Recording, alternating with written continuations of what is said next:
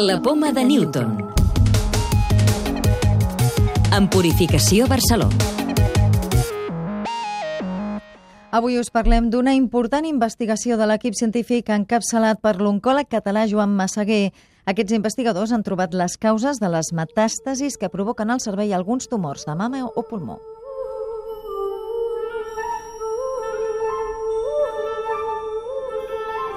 La recerca de l'equip de Joan Massaguer ha identificat les proteïnes que fan possible que les cèl·lules canceroses sobrevisquin al cervell.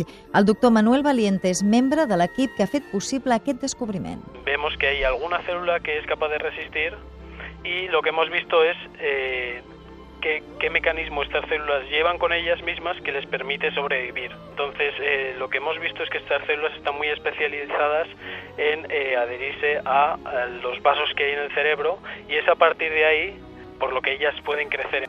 Això obre la porta a noves estratègies contra el càncer basades en l'anul·lació del paper d'aquestes proteïnes. El següent pas de les investigacions serà comprovar si aquest mecanisme de la metàstasi és general a la resta de tumors, com explica el mateix Massaguer. Hem d'anar ampliant el que hem trobat, a veure, a veure si eh, és també rellevant en metàstasis a altres llocs, a altres òrgans i per altres tipus de càncer, i després veure fins a quin punt és vital per les cèl·lules canceroses que s'han escampat i com podríem fer per eh, interferir a fi de que aquestes cèl·lules doncs, s'eliminin.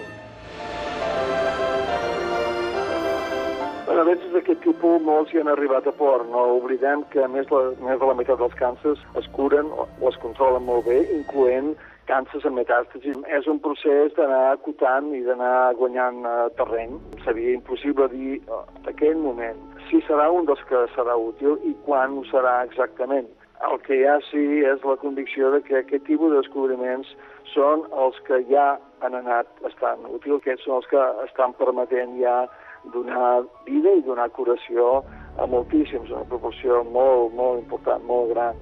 De moment, aquesta troballa ja ha provocat l'interès de les empreses farmacèutiques i de diferents equips de recerca i és previsible que centri moltes de les investigacions sobre el càncer que es facin en el futur.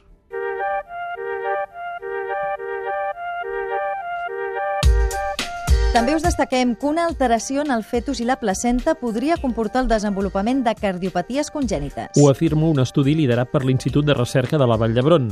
La troballa pot permetre el desenvolupament de millors estratègies de diagnòstic i noves teràpies preventives pels afectats. Una nova aplicació personal permet explorar l'univers des de qualsevol zona i en qualsevol data. L'aplicació permet veure des d'un ordinador personal com era la volta celeste vista des de qualsevol zona en un moment concret de la història. L'aplicació forma part del projecte europeu Glòria per acostar l'astronomia als ciutadans. Seqüenciat el genoma de l'home prehistòric més antic recuperat fins ara. L'individu pertany al jaciment de la Branya Arintero, a Castella i Lleó. El genoma conclou que tenia un fenotip de pell fosca i ulls blaus que ja no existeix a Europa. La clau de volta. La posidònia és una alga o una planta marina? Sònia Garcinuño, de l'àrea de Ciència i Medi Ambient de l'obra social La Caixa. Al contrario de lo que mucha gente cree, la posidonia es una planta, una planta superior, ya que además de hacer la fotosíntesis tiene verdaderos tejidos y órganos. Además se trata de una planta endémica del Mediterráneo, es decir, que solo la podemos encontrar en este mar. Forma verdaderas praderas en los fondos marinos que son hábitat y alimento de muchas especies de seres vivos.